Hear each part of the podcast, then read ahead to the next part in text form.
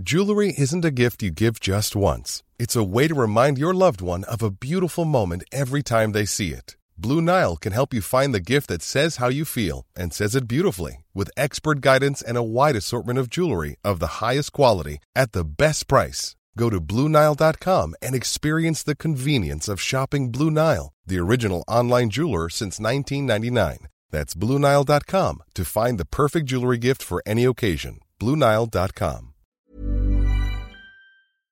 Ukas annonsør i Foreldrerådet er Ekstra. Det er grillsesong. Endelig. Alle dere som har fulgt meg gjennom en lang vinter, vet at jeg har nesten strøket med kjedsomhet. Men nå kan vi spise ute, vi kan leve ute, vi kan henge ute, og vi kan grille. Ekstra har sitt største grillutvalg noensinne, og hør godt etter nå. Her er en del av grillutvalget deres.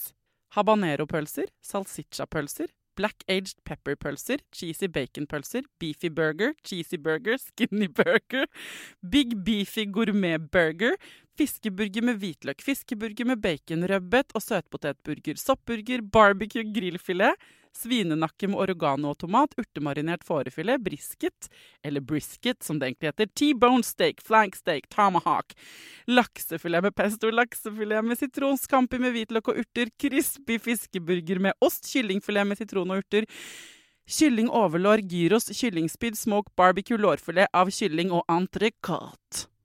Takk for meg. Dette er bare noen av produktene i Ekstra sitt største grillutvalg noensinne, og kommer bl.a. fra Norges mest prisvinnende grillserie, Grill Perfekt.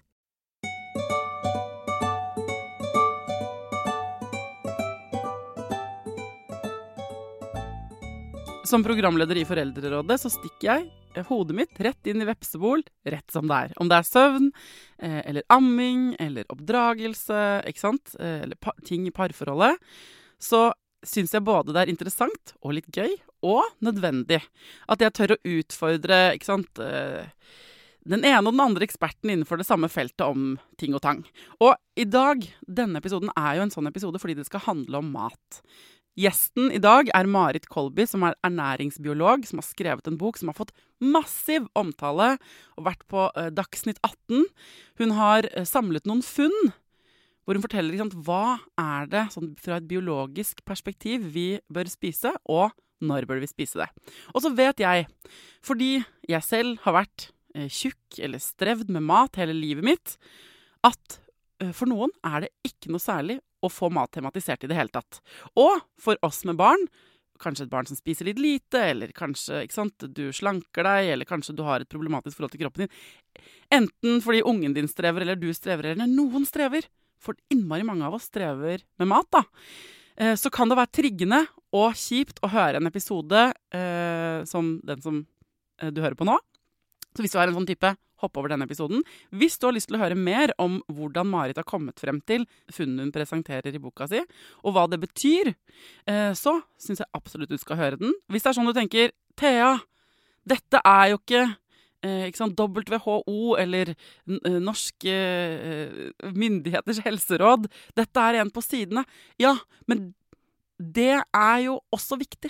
Ikke sant?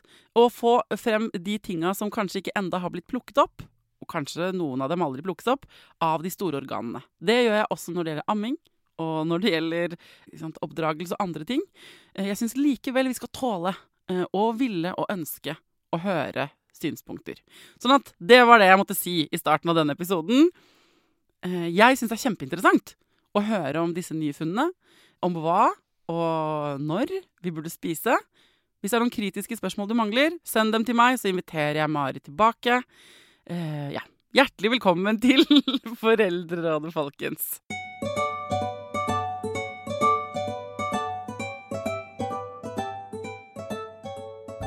Hjertelig velkommen til Foreldrerådet, Marit Kolby. Takk skal du ha. Nå skal jeg ta sats og fortelle hvem, altså din tittel, for det er ikke småtterier. Du er ernæringsbiolog og matviter.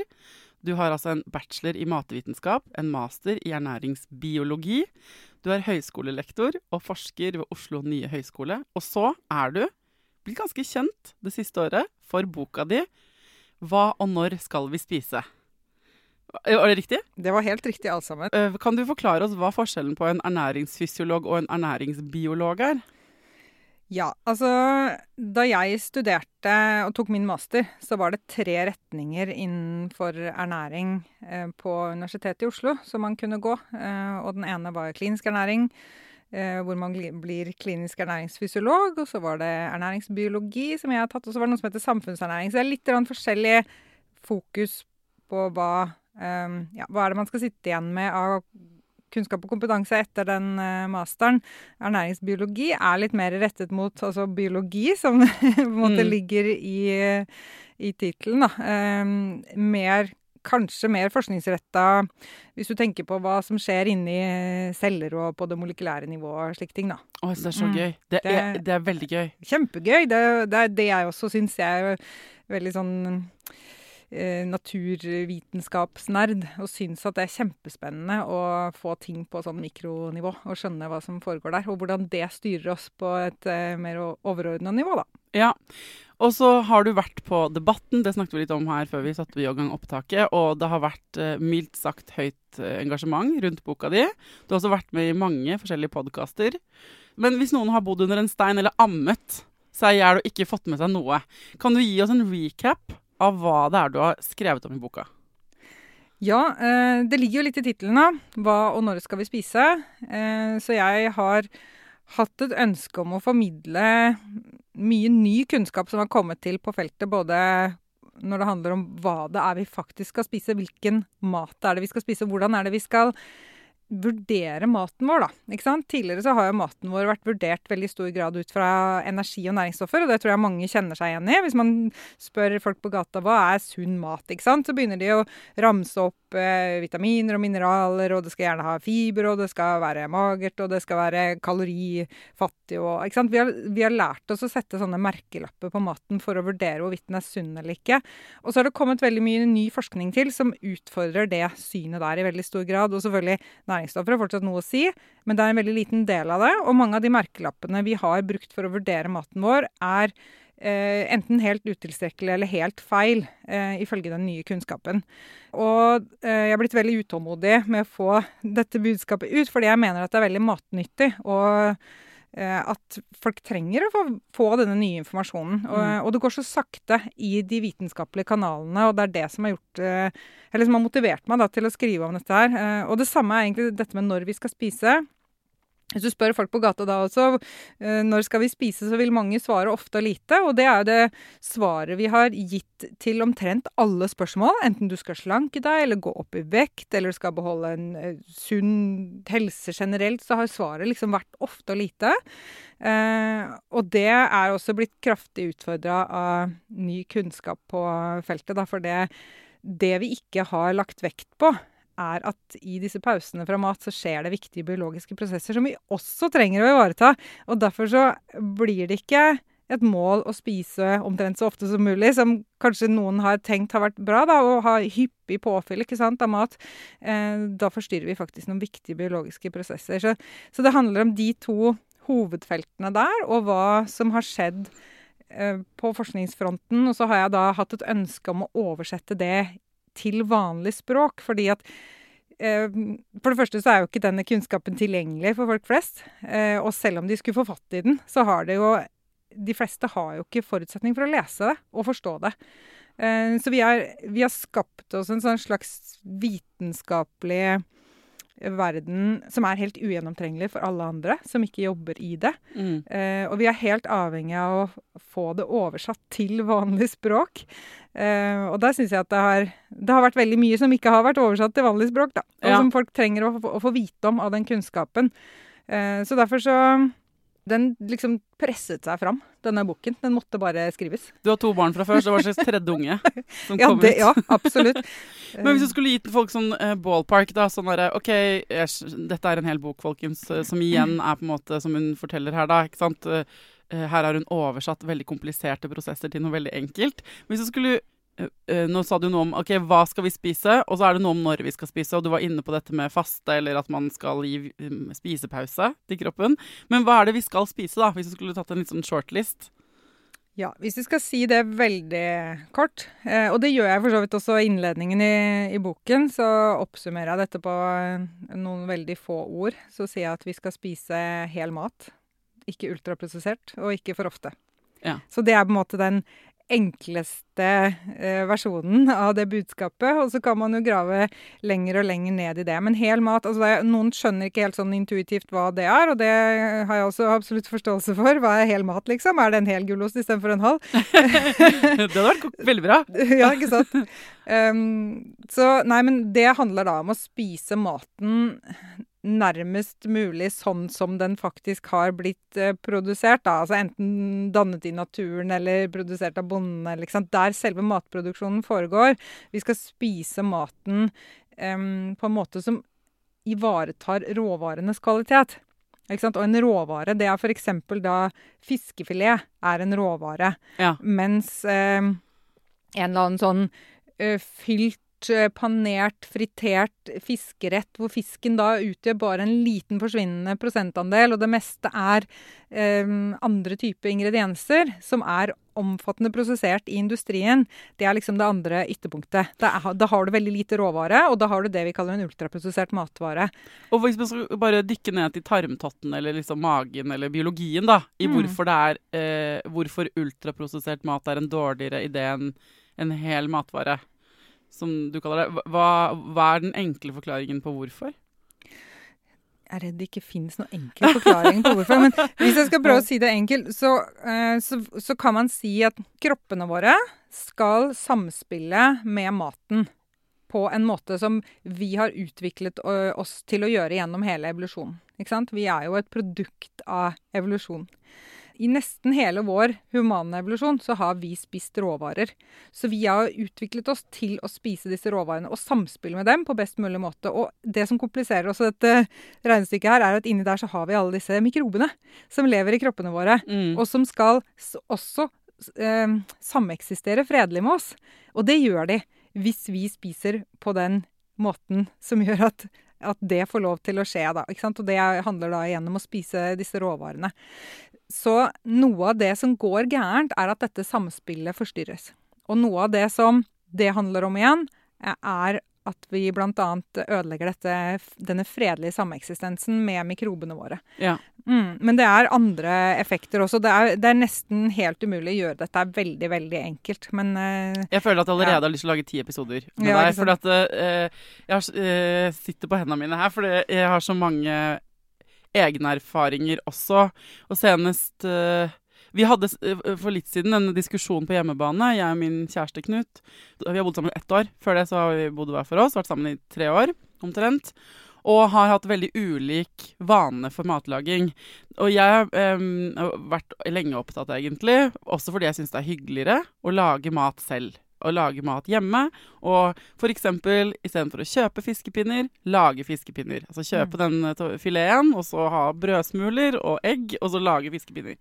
Og så hadde vi en sånn klassisk, vil nok mange si, diskusjon. Em, hvor uh, han er mer på nuggets og pølsekjøret, eller i hvert fall har vært, da. Og så, og så vi, de hadde vi diskusjonen handlet om hva er en ultraprosessert Eller hva er uh, helfabrikat og, hva, og halvfabrikat, og hva er mat fra bunnen? Hvor han mente at pølse med potetmos, hvis potetmosen er laget selv, er mat fra bunnen. Hvor jeg sier det er jeg ikke enig i.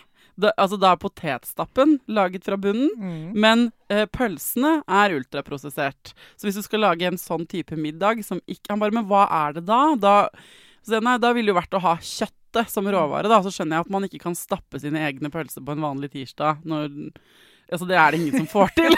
Eller noen, kanskje, men ikke, vi kan ikke havne der heller, liksom.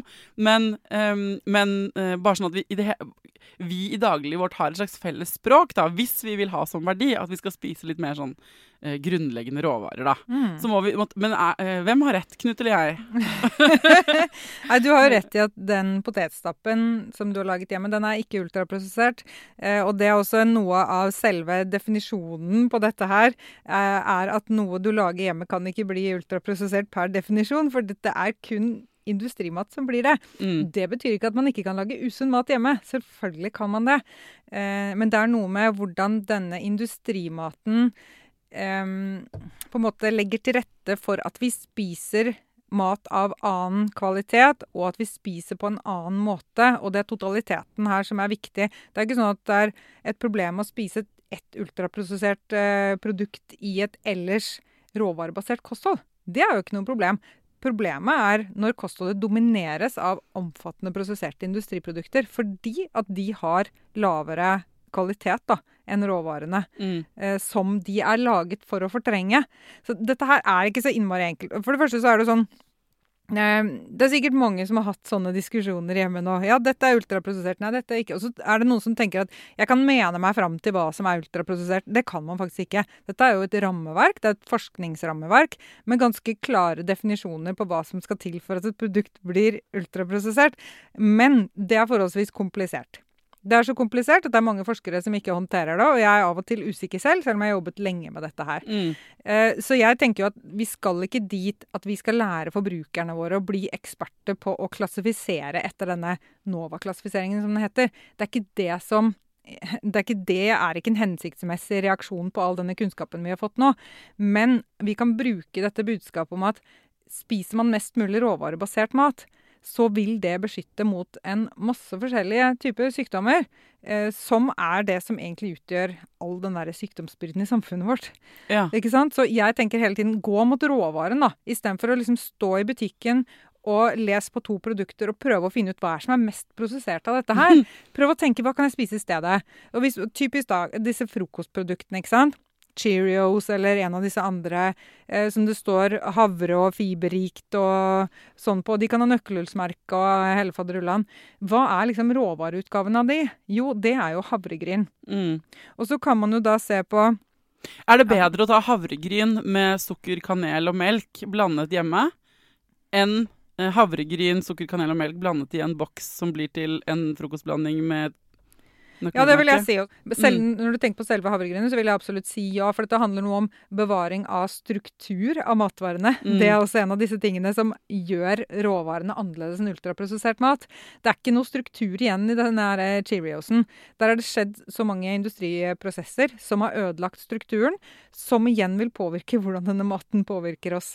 Ja. Um, så derfor så er havregrynet bedre. Absolutt. Og det er også, det som er interessant i den sammenhengen, er jo også at det ultraprosesserte frokostproduktet er jo ofte veldig mange ganger dyrere. Eh, Et hett tips til alle der som hører på denne podkasten. Vi må begynne å lese kilopris. Det er en av de viktigste eh, ferdighetene for å ikke bli lurt i butikken og, og skaffe seg bedre mat. Ikke sant? Mm. Så når man da ser på at dette eh, ultraprosesserte produktet kanskje koster 140 kroner kiloet, og så koster da havregrynene eh, 20-30 så er det en veldig god Men så eh, ledetråd. Og så, kan du, og så tar du ikke noe mer tid. Ikke sant? Det tar ikke noe mer tid å helle havregryn i en bolle og ha melk eller yoghurt på noe frukt enn det, det tar å strø denne frokostblandingen Nei. i en bolle. Så Men Ja. nå skal jeg være litt vrang, for dette, eh, det. dette er jo en foreldrepodkast. Foreldrerådet har det er de tusenvis av ørene som hører på nå. Det er folk med unger, stort sett, som er eh, travle, og som har de utfordringene de har når man har barn. Det kjenner du jo til, da, siden du har to. Mm. Så er det jo sånn at ungene våre de syns at ultraprosessert mat er helt konge. Veldig Mm. mange av dem. De elsker alt som heter mukk og, og Cheerios eller sant, sånne sjokoladegreier. Jo mer på en måte finkornet og jo mer prosessert det er egentlig, jo bedre er det i hvert fall. Sånn er det hjemme hos oss. At det er sånn Kan vi være så snill å få sånn eh, sjokopops? På ferien. Og så får de jo som regel nei fra meg, og vi lener oss mot havregryn, for jeg er en litt kjip mamma på en måte på de tingene Mm. der. Men jeg blir jo også ofte omtalt som at jeg er litt kjip fordi jeg ikke hopper på disse, de tingene der, da. Mm. Og jeg vil også si sant, Jeg føler meg ikke helt hjemme i en sånn snobbete matverden selv heller. Jeg har, ikke, jeg har lyst til å være low maintenance, jeg. Jeg har Mm. ikke lyst til å være for fin for Cheerios eller kylling nuggets, hvis du skjønner. Så jeg synes det er For det kommer sånn noe kulturelt, og det, mat er jo så veldig mye mer enn eh, råvarer også. Eller sånn en næringsopptak. Det er jo eh, stemning og kultur, og det er alt det der i tillegg. Mm. Så um, hvordan får vi barna våre til å like uprosessert mat bedre? Ja, ikke sant? Du peker på en viktig ting der. Altså, hvis vi hadde latt barna bestemme, så hadde de jo Altså mine barn, i hvert fall. De hadde da sittet og gamet hele dagen mens de kontinuerlig spiste smågodt. Altså det Hvis de fikk velge selv. Eh, og det tenker jeg er vel- veldig lite eh, sunt for dem. ja. Min unge hadde spist sjokolade til frokost, og ja. Ja, ikke sant? Så hadde de kanskje blitt lei av det etter hvert. Det, det vet jeg ikke. Men, eh, men i hvert fall, greia er at det er jo noe av det som følger med å være forelder, da. Og faktisk være litt kjip. Og si nei til de tingene som er skadelig for barna.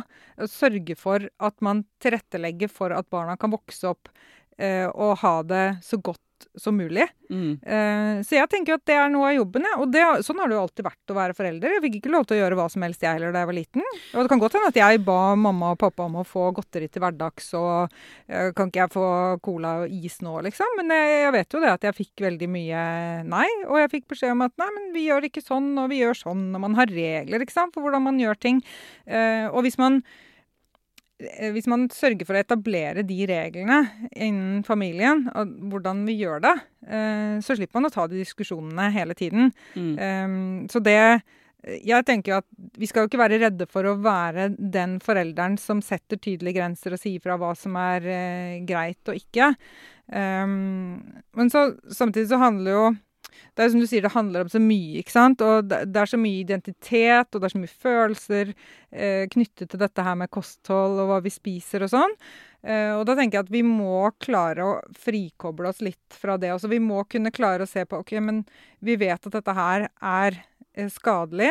Da må man kunne snakke om at det vil være bra for barna og for de voksne, for familien, å redusere på den typen mat uten at det handler om at eh, nå skal du skamme deg. Ja.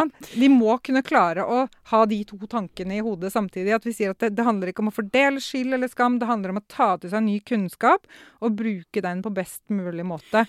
Jeg hadde eh, Gro Nylander, ammeguru og fødselslege, i studio her helt i begynnelsen av min karriere med podkasten. Det er seks år siden eller noe sånt. Mm. Eh, og da skulle hun snakke om amming. Og så husker jeg veldig godt det satte seg i meg Mange av dere har hørt denne episoden, men eh, for hun forteller jo og legger frem alle dataene bak hvorfor amming er helt fantastisk, og alle burde gjøre det alltid.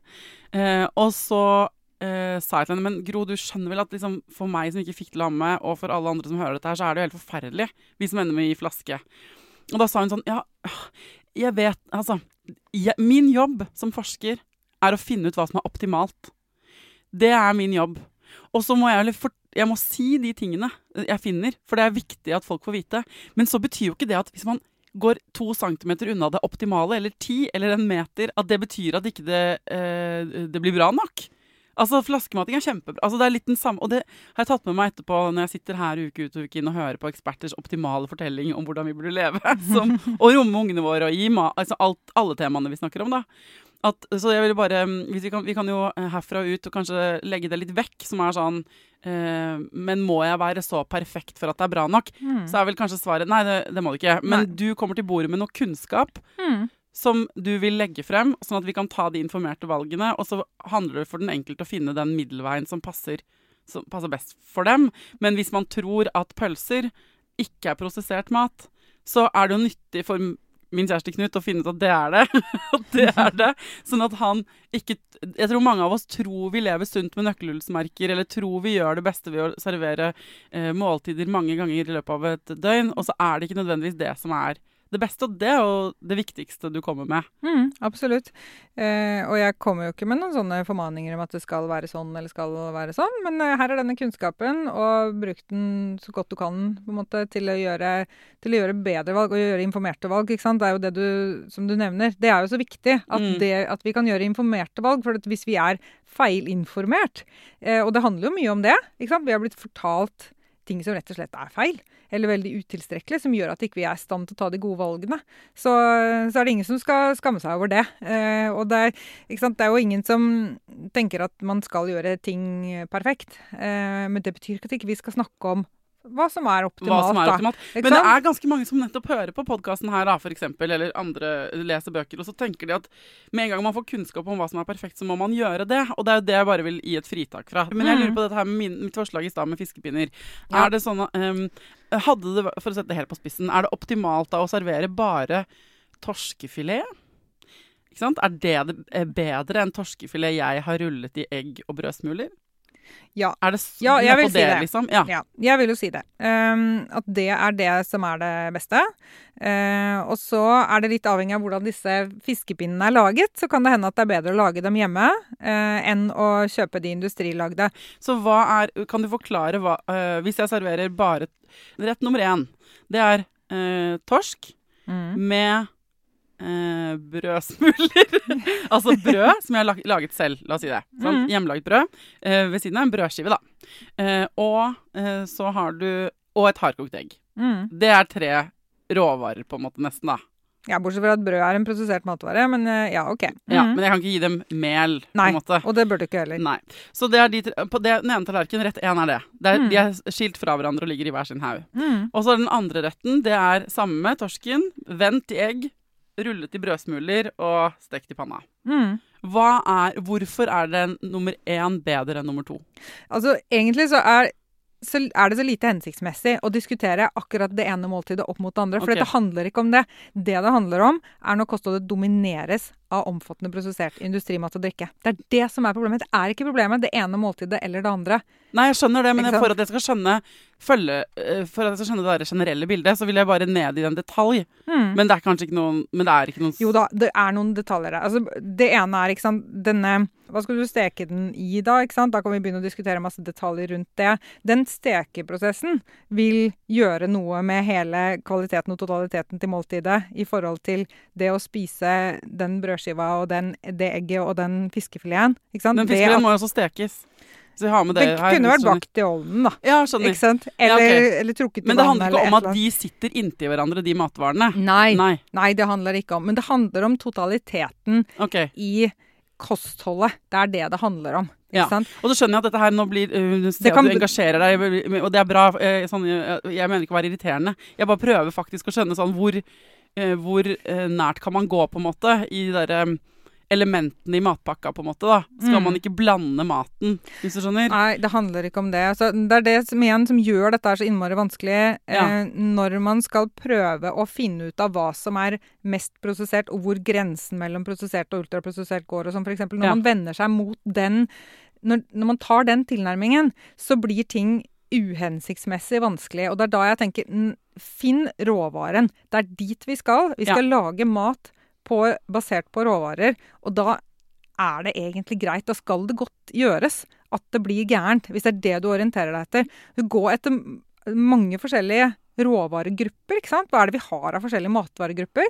Finn de du liker, og som du liker å jobbe med, og så lag mat basert på de. Mm. Det er der det er når vi slutta å gjøre det, at det gikk gærent. Og så kan du gjerne spise industriprodukter, men prøv da å finne industriprodukter hvor man har gjort akkurat det.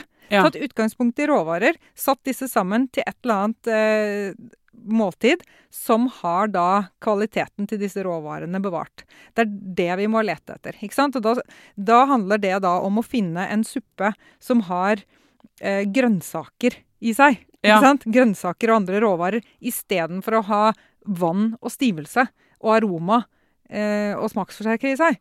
Det er, det, er, det er dit vi skal. Mm, Det fins jo noen som er litt for maniske, hvis du skjønner hva jeg mener. Mm.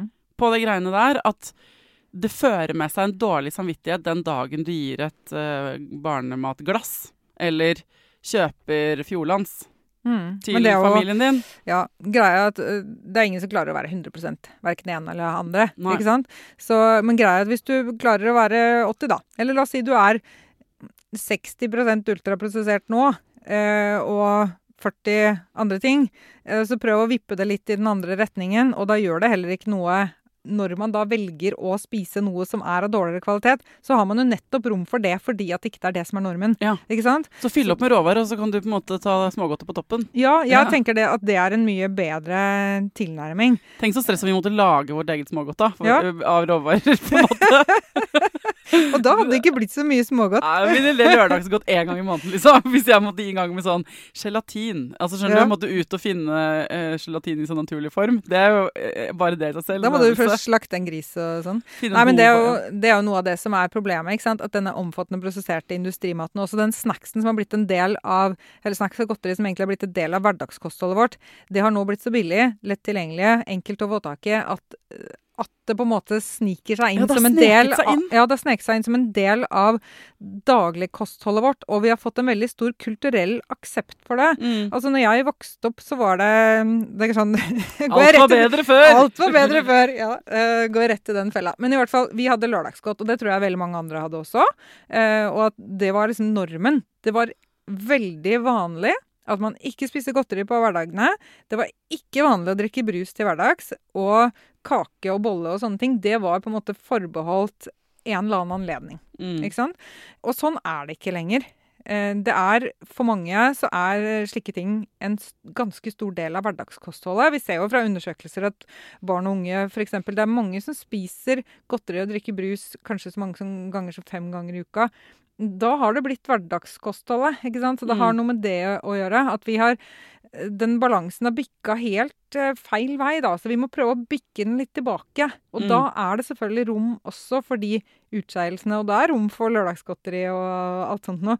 Eh, men vi må bare få vi må få den der balansen tilbake på rett spor. Er, Mm. um, det ene er hva vi skal spise, og der er det enkle svaret mer råvarebasert. Jeg, et, eh, et lite sånn motivasjonstips der. Det er veldig kult å komme hjem med råvarer og trylle det til noe. Det er jo Jeg føler det. at det er litt sånn try tryllete. Ja. Og, og, og, bare Jeg har dette, dette og dette, og det kan bli til dette. Mm. Det syns jeg er veldig hvis man, ja, Men så vet jeg at mange som hører på nå, er sånn slitne og bare Jeg orker ikke å høre mer om det. Ikke gi meg dårlig samvittighet for det og det. Eh, men ta moral ut av det. Og jeg syns det kan være føles sånn tryllete å gjøre Lage kul mat ut av noe som har vært et dyr, eller en Mm. ting jeg har plukket. Uh, det syns jeg er fascinerende. Ja, og det trenger ikke være så veldig vanskelig heller, da. Så, og det kan jeg også nevne, siden vi har eh, snakket om den, den første boka mi, at jeg skriver jo på en bok til. Det er en kokebok.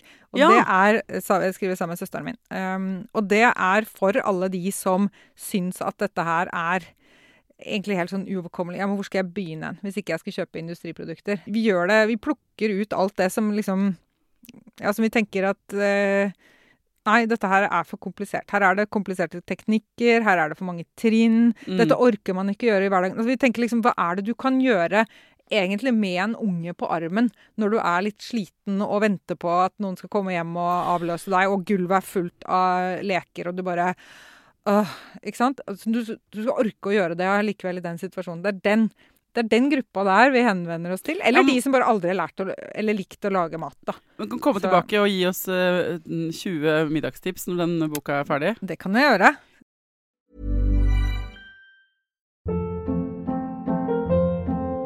Hold up. What was that? Boring. No flavor. That was as bad as those leftovers you ate all week. Kiki Palmer here, and it's time to say hello to something fresh and guilt-free. Hello Fresh. Jazz up dinner with pecan-crusted chicken or garlic butter shrimp scampi. Now that's music to my mouth. Hello Fresh. Let's get this dinner party started. Discover all the delicious possibilities at hellofresh.com. Cool fact a crocodile can't stick out its tongue. Also, you can get health insurance for a month or just under a year in some states. United Healthcare short term insurance plans, underwritten by Golden Rule Insurance Company, offer flexible, budget friendly coverage for you. Learn more at uh1.com. Ukas annonsør i Foreldrerådet er Nextory. Det er en lydbok- og e-bok-app. Altså, du kan både høre på bøker og lese dem på telefonen din eller nettbrettet ditt. Og akkurat nå så får du 45 dager gratis, både til deg som kanskje har prøvd Nextory før, men også til deg som er helt ny. Jeg digger at også de som har prøvd det før, får lov til å prøve igjen. For å få 45 dager gratis, gå inn på nextstory.no foreldrer. Nextstory har tusenvis på tusenvis av bøker du kan lytte til eller lese. Og i dag har jeg tenkt å anbefale eh, noen bøker som eh, faller innenfor det som kanskje kalles selvhjelpsbøker. Men den kategorien har jo litt ufortjent dårlig rykte, spør du meg. Den første boka jeg vil anbefale, er boka som heter 'Psykolog med sovepose'. Johanne Refseth, som har skrevet den boka, var jo gjest her for noen uker siden. Den er absolutt verdt å lese eller lytte til.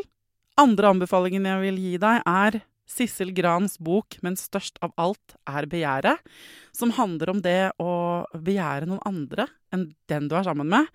Og jeg har også laget en episode med Sissel Gran om det temaet for et par år siden. Den boka er fantastisk. Hvis du har lyst til å prøve ut Next Story for første gang, eller eh, har prøvd ut før, men vi prøver det ut igjen, helt gratis i 45 dager.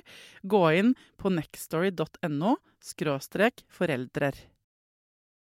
Men tilbake til dette med ok, hvor, når vi skal spise. Eh, Mm. Hva, hvordan er den ideelle eh, dagen eh, ifølge de, eh, det du har funnet ut? ja. Eh, jeg kan jo ikke gi, og jeg vil ikke, gi noen sånn spesifikk oppskrift på hvor ofte folk skal spise, eller hva de skal spise. Jeg tenker, jeg gir dem kunnskap, og så må de gjøre bedre valg sjøl. Eh, så det er punkt nummer én. Men det som kanskje er viktig, er at vi skal prøve å istedenfor å gå for å spise så ofte som mulig, eller spise ofte og lite gjennom dagen, da, så skal vi prøve å gå for det laveste antall måltider som vi trives med. Det er det jeg gir råd om. Åh, det er musikk i mine ører. ass. Tenk så mye mindre stress istedenfor å lage fem måltider om dagen. Hvis du kan lage det. to, liksom. Eller, Du, du frigjør så mye tid, Ja. både til å lage mat og til å spise. Du frigjør penger. Eh, det som er greia nå, at jeg har i hvert fall fått veldig mange meldinger og tilbakemeldinger fra folk som har dårlig samvittighet hvis ikke de spiser hver tredje time. mm. Som syns at det Da er det noe galt, liksom. Nå må jeg skynde meg å spise et eller annet. Og så velger man eh, Man kan ofte gjøre et dårlig valg. Altså, da, da, da tenker de at ja, men da er det bedre at jeg bare får en eller annen mellombar. Det er nesten bedre at jeg spiser en muffins enn Mm. å gå uten mat. For man skal spise hver tredje time, ikke sant? For det har de lest et eller annet sted. I stedet for å prøve å liksom jekke opp antall måltider i løpet av en dag, fordi vi tenker at det er det som er riktig å gjøre, så skal vi prøve å finne ut hvor lavt antall kan jeg trives med. Eh, og det trenger ikke bli ekstremt. Jeg mener ikke at man skal liksom prøve å komme ned i ett måltid om dagen, men at man skal prøve som voksen, da. Å finne et eller annet sted mellom to og fire måltider tenker jeg er veldig smart. Litt avhengig av hvor gammel man er, hvor aktiv er man. ikke sant? Er man eh, ungdom og, eh, eller tidlig ung voksen og driver toppidrett, så er det klart, så kan det godt hende at man i hvert fall må ha fire måltider. Eh, men mange voksne mennesker vil klare seg veldig fint med frokost, lunsj og middag hvis de spiser seg gode og mette, og vil ikke trenge noen ting imellom. Og noen vil til og med kanskje trives bedre med to store måltider. For det er en del mennesker som ikke er sultne når de står opp, naturlig ikke er sultne, og som presser i seg frokost fordi de har fått vite at det er det riktige å gjøre Mm. egentlig og føler seg ikke noe vel med det. Syns ikke det er noe godt og behagelig. Eh, og da tenker jeg at det er ingen grunn til å gjøre det. Da kan du vente til den sulten kommer naturlig. Og hvis den kommer rundt 11-tiden, da kan du spise lunsj klokka 11 eller halv 12 eller et eller annet sånt. Kan du Men spise hva er middag det med familien.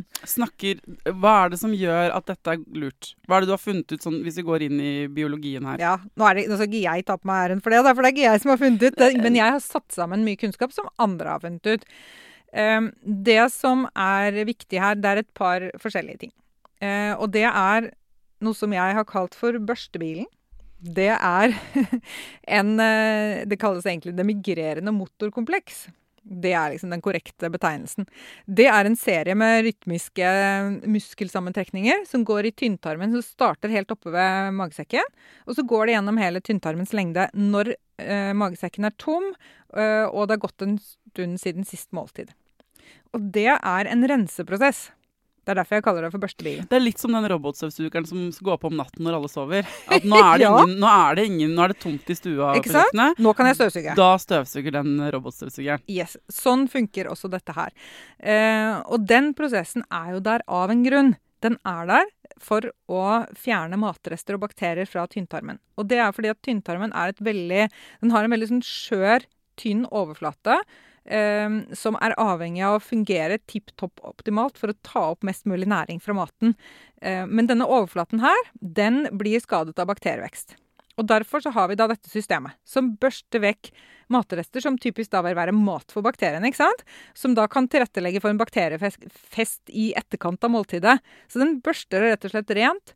Børster dette her inn i børster i gåseøynene inn i tykktarmen, som er konstruert på en helt annen måte, og som er laget for å tåle bakterievekst gjennom hele døgnet. Og det er faktisk det som skal skje der. Så er der, man, vil, man vil ha festen der. Der vil man ha bakteriefesten, ikke i tynntarmen. Så dette her skjer når magen er tom, og det er det vi kjenner som rumling i magen. Det er denne børstebilen. Ah. Ja, Så det, denne rumlelyden, eller denne følelsen av rumling, det er ikke sånn desperat rop om hjelp fra kroppen om at nå må jeg ha mat med en gang, ellers så kommer jeg til å falle om på fartøyet. Det er rett og slett et signal om at nå går det en renseprosess i tynntarmen din. Eh, og den tenker jeg at den er det viktig at får lov til å gå noe mellom måltidene. Og det vil også skje på natten, dette her. Men det skjer jo også mellom måltidene. Det som er greia er at Hvis vi putter noe i oss hele tiden, så stopper vi denne prosessen. Og det gjør faktisk også med sunn mat. Ja, altså sånn at Se for deg den robotstøvsugeren som begynner å gå, så kommer noen inn, Ja. og så stopper den. Yes. Og så, den, så får den aldri tatt hele stua og kjøkkenet, på en måte. For, og det, Det og det har ikke så mye å si hvis du La oss si at det er, du spiser middag klokka seks, da. Og så eh, begynner børstebilen å gå. Optimalt eh, hvor lang tid trenger den, da? Den tar eh, ca. Ja, den kan ta liksom halvannen til to timer på en, eh, på en runde. Så, Også- men det er ikke noe sånn, det er ikke noe oppskrift der heller. Det er ikke sånn at børstebilen må gå så og så mange ganger i løpet av døgnet. Eh, men det er bare greia Hvis den hver halvannen time du kommer med en gulrot, eller med et eple, Ja. eller med en sjokoladebit, eller med en mellombar, eller med en liten eh, rest fra middagen, eller at du smaker litt på det ene eller det andre, så vil den, den, må, den får ikke gjort det. Oi, kom, kom ikke. Oi, folk får aldri ordna seg. Det er noe med å ikke være redd for den følelsen, og tenke at ja, jeg skal snart spise, men jeg skal spise når jeg er klar for det, når jeg kan sette meg ned, jeg kan spise et ordentlig måltid, eh, og spise meg ordentlig mett, istedenfor å bare strekke seg ned i veska etter en mellombar og tenke at det må jeg gjøre nå, for ellers så skjer det et eller annet galt. Og det er jo noe av det som har vært veldig revolusjonerende for mange av de som har lest boken min, at de bare Oi! Jeg har, jeg kvitta meg med den sultskrekken, og så befriende det er. Og de Mm. syns det er utrolig deilig, og det er også veldig mange lærer, da, når de da lærer seg å ikke være redde for dette her, og eh, ikke være redde for å liksom vente, vente en halvtime og spise eller et eller annet sånt, så merker de også det at sult er en følelse som kommer og går i bølger. Det er ikke en sånn lineær, gradvis stigende følelse av ubehag. Den Nei. kommer og går, og den sultfølelsen settes i gang av et hormon eh, som heter grelin, som signaliserer i hjernen. Det er jo en motivasjon for å få oss til å spise. Det betyr ikke at vi må spise akkurat der og da. Men den kommer igjen med jevne, ujevne mellomrom, kanskje. Um, uansett om vi spiser eller ikke. Så dette er jo et signal vi får fra kroppen. ikke sant? Du må ikke glemme å spise. Ja, OK, nå hadde du det litt travelt, og du undertrykte denne sultfølelsen og begynte å gjøre noe annet. Og det gikk helt fint, men så kommer den tilbake igjen. Ja, du må ikke glemme helt å spise, da. Du kan ikke liksom glemme å spise i mange, mange dager på rad, for vi trenger jo inntak av næring. Så det Hva, er jo en var sånn den het Grevlin? Nei. grelin. Grelin. Men er det noen som har mer av det enn andre? Altså som, eh, eller er det bare at vi responderer ulikt på den, det hormonet, eller den, det signalet? Ja, godt spørsmål. Eh, Jo, du vil jo selvfølgelig finne forskjeller mellom folk. Og du vil også finne forskjeller i hvor mye som blir skilt ut av dette her ettersom hvor sulten du er. Jo Mm. lenger du venter, jo mer I hvert fall noen studier har vist det, da. At hvis du venter veldig lenge, så vil du ha mer av dette neste gang det skilles ut. Så vil du skille ut mer. Og det tilrettelegger da faktisk for at du skal greie, kunne greie å spise litt mer neste gang. Ja. Uh, ja, er i hvert fall noen studier som har antydet at det er sånn. Så det er ett av mange hormoner som styrer matinntaket vårt. Vi har både sulthormon og metthetshormoner. Uh, men noe av det man har sett da, fra veldig god forskning, er at hvis man spiser råvarebasert mat, så er man mindre biologisk sulten. Man skiller altså ut mindre av dette hormonet. Oh. Så det er også det er ikke bare sånn synsing eh, rundt dette her. Vi har gode målinger også som backer opp at ja, det er faktisk sånn denne biologien fungerer. Så, det, så, det, jo, så, så nå har vi snakka litt om børstebilen. Så må jeg snakke litt om dette med autofagi, som det heter. Blant annet. Eh, Det er jo et litt eh, vanskelig ord, men det betyr egentlig selvspising. Og det som skjer, er at perioder hvor kroppen har vært lenge uten mat, eh, hvor vi bytter fra det å måte, bruke den energien som kommer utenfra, da, fra maten, til å begynne å frigjøre våre egne lagre.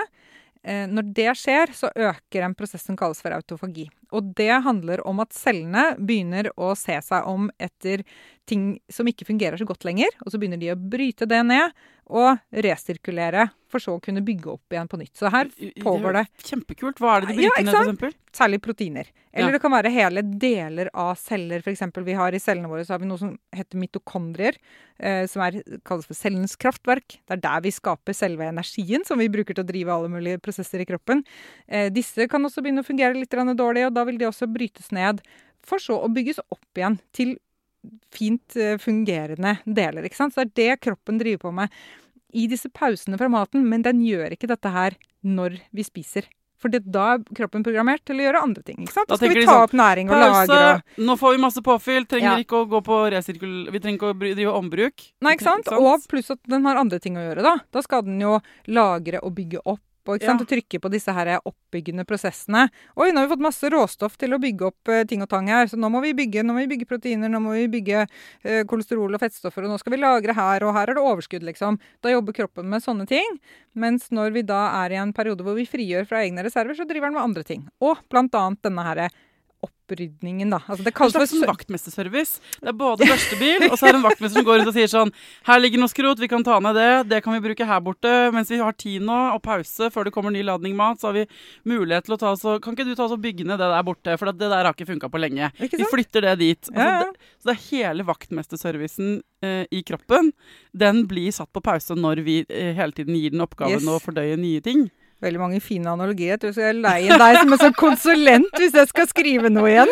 Eh, Nå, kan, nå må du hjelpe meg å lage et sånn godt visuelt bilde på det her. Lytterne rister på hodet og bare er så lei av at jeg lager sånne bilder på alt. Ja, men, men det, er sånn det er veldig nyttig. det er sånn jeg forstår ting. Ja, ja, ja Men men, det er helt, helt riktig. Så, så vi driver da omfattende vedlikehold og reparasjon i perioder uten mat. Det er en kjempe, kjempeviktig og veldig underkommunisert del av dette her med samspill med maten, tenker jeg da. For, altså, hvor mange veit det? Men hva, autofagi, var det det? Ja, det kalles for autofagi. Det kalles også, sier, liksom populært uh, kalles det for søppeltømming i cellene. Og det er jo veldig ja. beskrivende for hva det faktisk er, da. Altså, dette er jo renovasjonsetaten Yes. og vaktmesteretaten. Um, hvor lang tid trenger man mellom måltider på en måte for å få i gang autofagien? Ja, eh, der er det jo ikke noe helt eh, sånn fasit på det. Eh, og det meste av denne autofagien skjer når vi ligger og spiser. Ligger og spiser, faktisk. Ligger og sover. Eh, og så Det er også et viktig poeng at ikke vi skal spise liksom rett inn i søvnen, for da tar det lengre tid før vi kommer inn i denne prosessen hvor vi driver på med dette her. Det mange har begynt med, da, er det vi kaller for tidsbegrensa spising. Som handler om at man enten skyver litt på frokosten, eller at man slutter å spise litt tidligere på ettermiddagen. Sånn at man får en lengre nattfaste, som det kalles. Mm. Ehm, så det er da ikke sant, perioden fra du slutter å spise på kvelden, til du begynner å spise neste dag.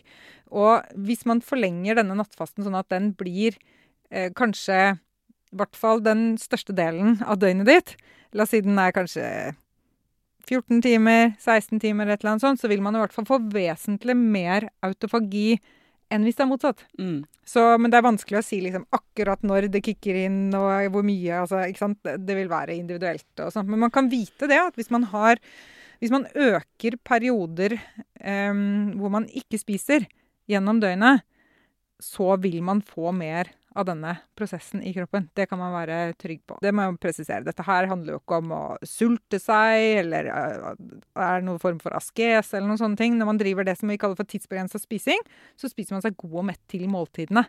Men man sørger for at det er mer opprom mellom dem, da, på en måte. Ja. øh, Så det er ikke egentlig faste i den forstand. Nei, men, men eh, ødelegger man i gåseøynene autofagien hvis man f.eks. sånn som jeg gjør nå, drikker en kaffe med melk? Er det sånn Ja. ingenting Du kan ikke drikke et glass Altså det er liksom ingenting med, med, med næringsinnhold som skal inn? Nei, altså det som er greia, er at denne dette er jo en slags sånne faste mekanismer. Eh, selv om jeg sier at tidsbegrenset spising ikke er faste. Men det er jo faste mekanismer vi snakker om her. Eh, det de er følsomme for, er energi. Eh, men også særlig protein. Eh, både proteiner og karbohydrater, da, som du finner i denne melken. Eh, det vil påvirke at du begynner å skille ut noe insulin.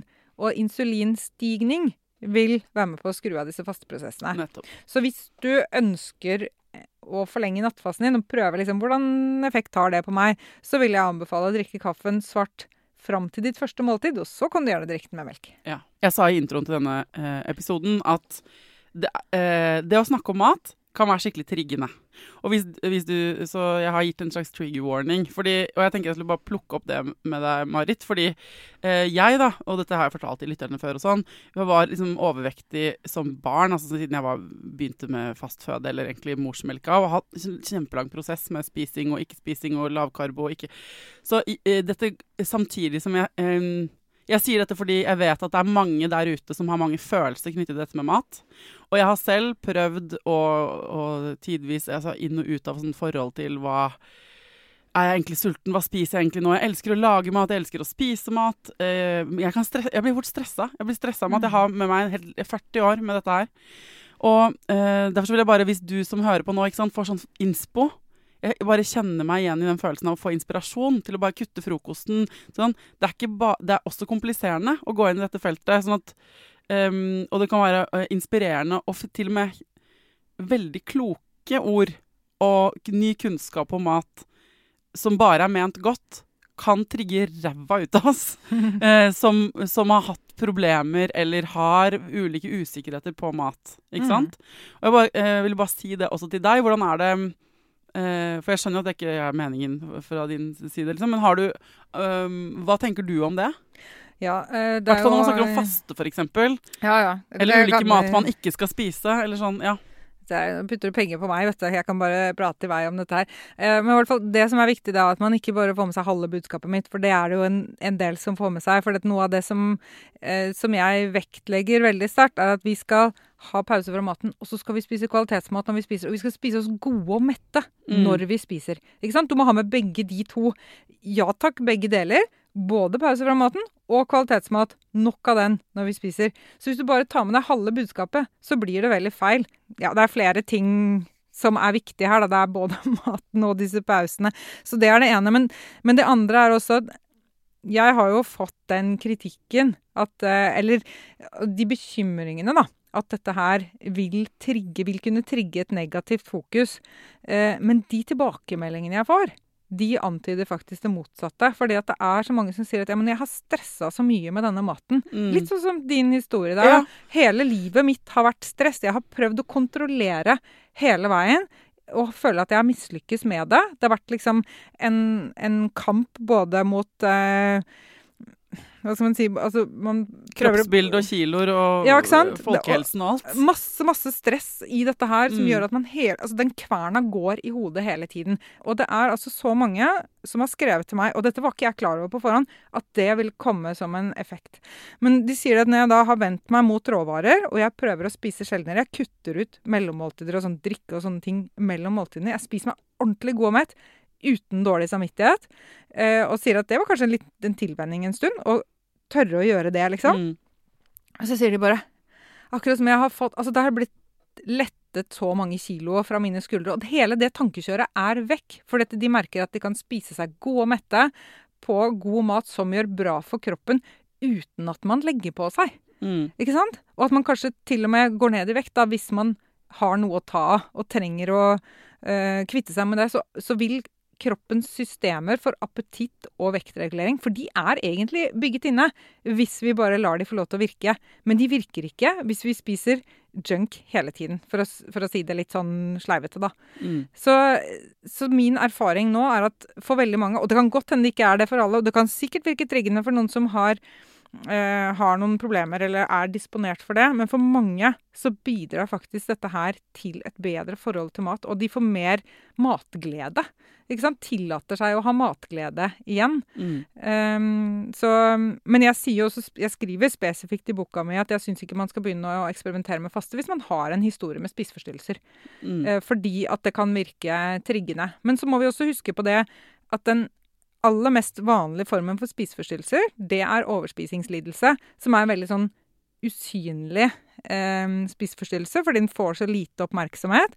Eh, og det som jeg da har fått tilbakemeldinger om, er at noen av de som har måte, lidd med denne her, i skam og i stillhet hele livet, nå endelig føler at ja, men nå har jeg gjenoppretta et godt forhold til maten. Hvis jeg bare spiser den typen mat, råvarebasert mat, og spiser meg mett, så har jeg ikke jeg har ikke noe trang, jeg har ikke noe søtsug. Jeg har ikke den, der, den trangen etter å fortsette å spise fordi at jeg tillater meg å spise meg ordentlig mett og lar disse biologiske mekanismene eh, få lov til å virke, da. Jeg har så lyst til å høre Altså, nå har vi snakket sammen så lenge, og vi Du spådde det egentlig, vi kommer til å snakke sammen lenge. men, men, det er så mange flere ting. Det er helt sånn åpenbart sånn eh, Hvorfor er det så langt mellom det du sier og det dere Og det vi lærer? Det er en egen diskusjon. Mm. For det, um, dette er ikke den gjengse fastlegens råd. Uh, vil jeg bare si. Uh, på, eller andre. Det kan være um, man kan ta med seg dette til uh, helsepersonell, og så vil man få litt forvirrende råd, da, ofte, rundt mat og ernæring. Mm. Det er det ene feltet vi ikke får snakket så mye om. Og det andre er jo litt sånn eh, Men jeg må spørre. Skal barna også i forhold til dette med Hvordan anbefaler du at vi skal la barna våre spise? Hvor ofte og hvor mye? Ja, ikke sant. Det er også Hvor mange podkaster er det, liksom? du får komme tilbake. Ja. komme tilbake. Eh, Men du hadde, jeg husker du hadde en kjempefin podkast med en psykolog eh, ganske tidlig i din podkastkarriere. Den hørte jeg, og så tenkte jeg bare åh, jeg skulle bare ønske jeg hadde fått tak i henne. Skal jeg forgylt henne? Eh, Elisabeth et eller annet. Elisabeth Gerhardsen. Ja. Eh, Den heter snakker- bare Mat, tror jeg. Mat ja, med Elisabeth Gerhardsen. Hun snakker om hvordan man skal forholde seg til dette her med mat og måltider og sånn for barn. Eh, så den anbefaler jeg å gå tilbake og lytte til. Den har jeg anbefalt til mange. Den episoden handler om at liksom eh, vi foreldre skal ikke kontrollere hva barna spiser hele tiden. Vi skal legge til rette for at de skal få ordentlig mat. Vi skal legge det fram, tilby det til dem. Og så er det barna selv som skal spise. Vi skal ikke oppdra barna til å spise for mamma eller for pappa eller eh, Ta en skje for bestemor. ja, ikke sant? Det er noe med å la Altså dette her handler om barnas autonomi. Så barn må få lov til å spise når de er sultne, og spise til de er mette. Og så må vi tørre å stole på det. Så det er den ene tingen. Eh, så folk kan eh, sjekke opp i den podkasten. Eh, men så er det da spørsmålet hva er det man gir dem å spise? ikke sant? Som da blir viktig. Og da tenker jeg at barn altså Da kunne vi jo snakket masse om Det er jo dette med tilvenning til fastføde, ikke sant? Fra amming osv. videre. og hva skal litt større barn spise osv. Men det jeg har lyst til å utfordre litt der, er at det fins noe som heter barnemat. Det gjør ikke det. Det som er sunn mat for barn, er det samme som er sunn mat for voksne. Og det er råvarebasert mat. Og så må man selvfølgelig tilpasse med størrelse og tekstur, hvor mye chili har man på, hvor varmt er det, ikke sant. Og alle sånne eh, type ting. Eh, men at barn skal ha egen mat, det stemmer faktisk ikke. Barn skal spise det samme som voksne, og vi skal alle sammen spise hovedsakelig fersktilberedte måltider av råvarer. Eller så, så, så mye vi får det til, da. Ikke 100% selvfølgelig, men det er det som er maten vår. Eh, og så må den, det andre må være unntaket. Og da Ja. kan det også inngå eh, i det kostholdet uten at det er noe problem, så lenge det er unntaket, da. Og så må barn også få lov til å bli litt sultne mellom måltidene. Vi må ikke være redd for det. Eh, vi må liksom ikke tenke at OK, dette barnet er litt grann grinete. Nå må du nok ha opp blodsukkeret. Det er ikke sikkert det handler om det. Kanskje barnet er sliten. Et slitent barn trenger ikke mat. Et sliten barn trenger hvile og ro, men da må du kanskje bare bite tenna sammen og komme deg hjem og si at ja, øh, vi skal hvile når vi kommer hjem, jeg skjønner at du er sliten, eller er du sliten, vennen min, liksom, eller Vi skal ikke, vi skal ikke relatere alt til et behov for næring. Også, og ikke minst det der med lei seg. Vi trøster med mat. Det må vi slutte med. For da lærer vi barn å koble dette her med vonde følelser og mat. Ja. Eh, og det tar man med seg inn i voksen alder. Vi må prøve å skille det fra disse følelsene. Sånn at mat kan jo godt være knytta til følelser. Altså gode følelser i en eller annen sånn eh, hyggelig setting. At man sitter og spiser sammen, og her var det god stemning og ikke sant. Sånne ting. Det er jo bare bra. Men at man liksom skal regulere følelsene sine med mat, det Jeg mener jo at det er veldig skadelig. Og at det må vi slutte med. Det er jo forskjell på å være fysen og være sulten. Og det, vi, Absolutt. nyanserer det mye hjemme, som er sånn øh, Å, jeg har lyst på noe. Er fysen? Er du sulten, eller er du fysen? Er du Vil du ha ikke sant? Jeg kan spørre sånn Vil du ha Skal jeg lage liksom havregrøt til kveldsmat, eller er du mer sånn at du er keen på noe snacks, liksom. Og så trenger ikke å dømme det ene mot det andre, men prøver å grave litt i den Mm. der sultfølelsen. Men det er jo litt sånn vanskelig, og her kommer det jo Jeg hører allerede meldingene ringle inn i innboksen med sånn eh, Men mitt barn har dette behovet, og jeg må passe veldig på med mitt barn, og mitt Ja. barn er sånn, og dette gjelder ikke for alle. Det, eh, nå må alle som hører på, også tenke Du vet jo hva ditt barn trenger. Ja. Eh, eh, hvis du har et barn med et, ulike typer behov eller ulike typer utfordringer, Mm. you do you. Ja, ja. Eh, bare sånn Selvfølgelig. Ja, der igjen, Vi må kunne greie å skille litt mellom det der med enkeltindivider og samfunn. ikke sant? Vi vet at dette her er bra på et sånn generelt nivå, og gjøre Så det er masse noen ting. unntak. Mm. Det fins unntak. Eh, Så det, vi kan ikke liksom ta høyde for alle de da, og ha alle de forbeholdene med, for da hadde vi sittet og bare pratet om det. Men nå eh, er det sånn, hvis folk da sitter nå og bare eh, Altså, er hjertelig velkommen i min døgnåpne innboks, selvfølgelig, alle sammen. um, hvis de har helt konkrete spørsmål til eh, noe av det du har eh, snakket om, eh, om de har liksom Ja, spørsmål, innvendinger kan ikke den, eh, den står døgnåpen på gløtt, den døra der. Det er bare å sende meg, og så kan jeg Det er helt sikkert noe jeg burde ha spurt om som jeg ikke har spurt om, så jeg må rett og slett bare forbeholde meg retten til å invitere deg tilbake. Er det ja, greit? ikke sant? Det er veldig eh, greit. Mm. Men eh, hvis jeg skulle oppsummert deg, da. eller det du, det har fortalt, eh, får du bare korrigere meg hvis jeg tar feil. Det er sånn at vi har lært noe om hva vi skal spise, og når vi skal spise, som ikke stemmer med den optimale virkeligheten.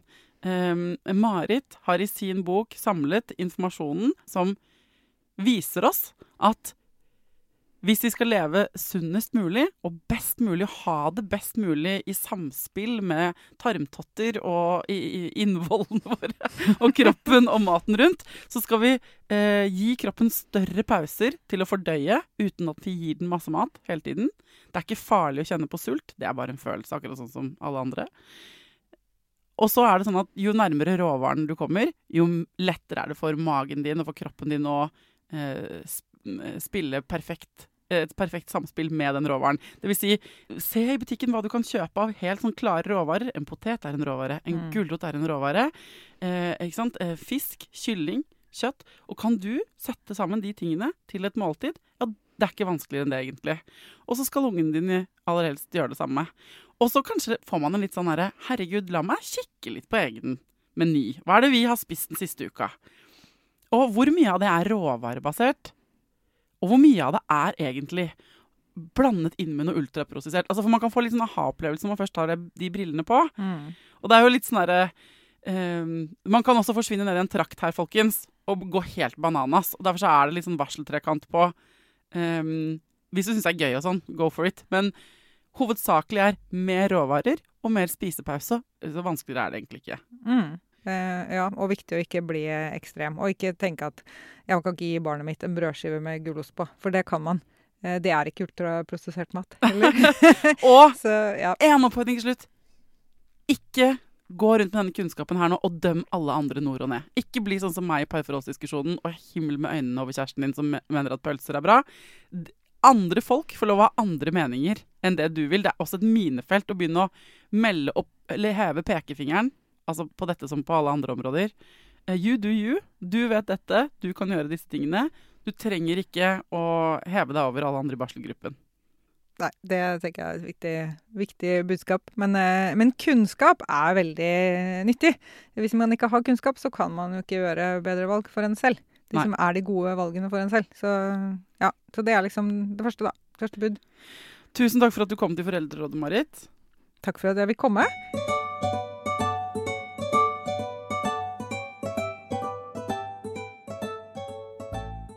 Hvis du nå eh, sitter med noen spørsmål til Marit, eller frustrasjon fordi dette her pirker i noe du har levd hele livet ditt eh, i opposisjon til, eller hva det nå er du sitter og kjenner på nå, eh, send meg det gjerne. Ikke sant? Send det til meg på Instagram, på foreldrerådekontoen der, eller på mail til foreldreradet at gmail.com. Og ikke hold tilbake, ikke sant? Dette her er viktig, og jeg tenker i denne podkasten så er min greie at jeg blir klokere i takt med dere. Eh, så eh, jeg inviterer gjerne Marit eller noen andre tilbake for en runde to, eller runde tre, eller fire eller fem, så vi sammen kan bli klokere, ikke sant? Det er det prosjektet livet handler om, spør du meg. Takk for at dere engasjerer dere, at dere hører på denne podkasten. Takk for dere som sant, hørte på for to år siden og nå er tilbake. Takk eh, til deg som akkurat har begynt. Velkommen skal du være. Prosjektet er sånn at dere sender meg deres temaer, ønsker og problemer dere har, om alle ting eh, relatert til det å ha barn eller kjæreste, eller ha gjort det slutt med kjæresten, eller hva det nå er. Alt som er familierelatert. Og så finner jeg eksperter som svarer på det du lurer på. Det er gruppearbeidet. Så innboksen min er døgnåpen. Gønn på. Takk for at du hører på. Til neste gang, ta vare på deg sjæl, ta vare på ungen din, og lykke til.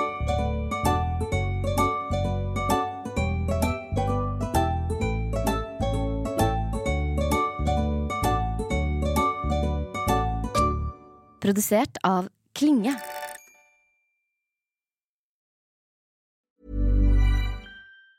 Ever catch yourself eating the same flavorless dinner three days in a row? Dreaming of something better? Well, HelloFresh is your guilt-free dream come true, baby. It's me, Kiki Palmer. Let's wake up those taste buds with hot, juicy pecan-crusted chicken or garlic butter shrimp scampi. Mm. Hello Fresh. Stop dreaming of all the delicious possibilities and dig in at HelloFresh.com. Let's get this dinner party started. Even when we're on a budget, we still deserve nice things. Quince is a place to scoop up stunning high-end goods for 50 to 80% less than similar brands. They have buttery soft cashmere sweaters starting at $50, luxurious Italian leather bags, and so much more. Plus, Quince only works with factories that use safe, ethical, and responsible manufacturing. Get the high-end goods you'll love without the high price tag with Quince. Go to quince.com slash style for free shipping and 365-day returns. Hi, I'm Daniel, founder of Pretty Litter. Cats and cat owners deserve better than any old-fashioned litter. That's why I teamed up with scientists and veterinarians to create Pretty Litter. Its innovative crystal formula has superior odor control and weighs up to 80% less than clay litter. Pretty Litter even monitors health by changing colors to help detect early signs of potential illness. It's the world's smartest kitty litter. Go to prettylitter.com and use code ACAST for 20% off your first order and a free cat toy. Terms and conditions apply. See site for details. Imagine the softest sheets you've ever felt. Now imagine them getting even softer over time. That's what you'll feel with Bowl and Branch's organic cotton sheets. In a recent customer survey, 96% replied that Bowl and Branch sheets get softer with every wash. Start getting your best night's sleep in these sheets that get softer and softer for years to come. Try their sheets with a 30-night guarantee. Plus, get 15% off your first order at bowlandbranch.com. Code BUTTERY. Exclusions apply. See site for details.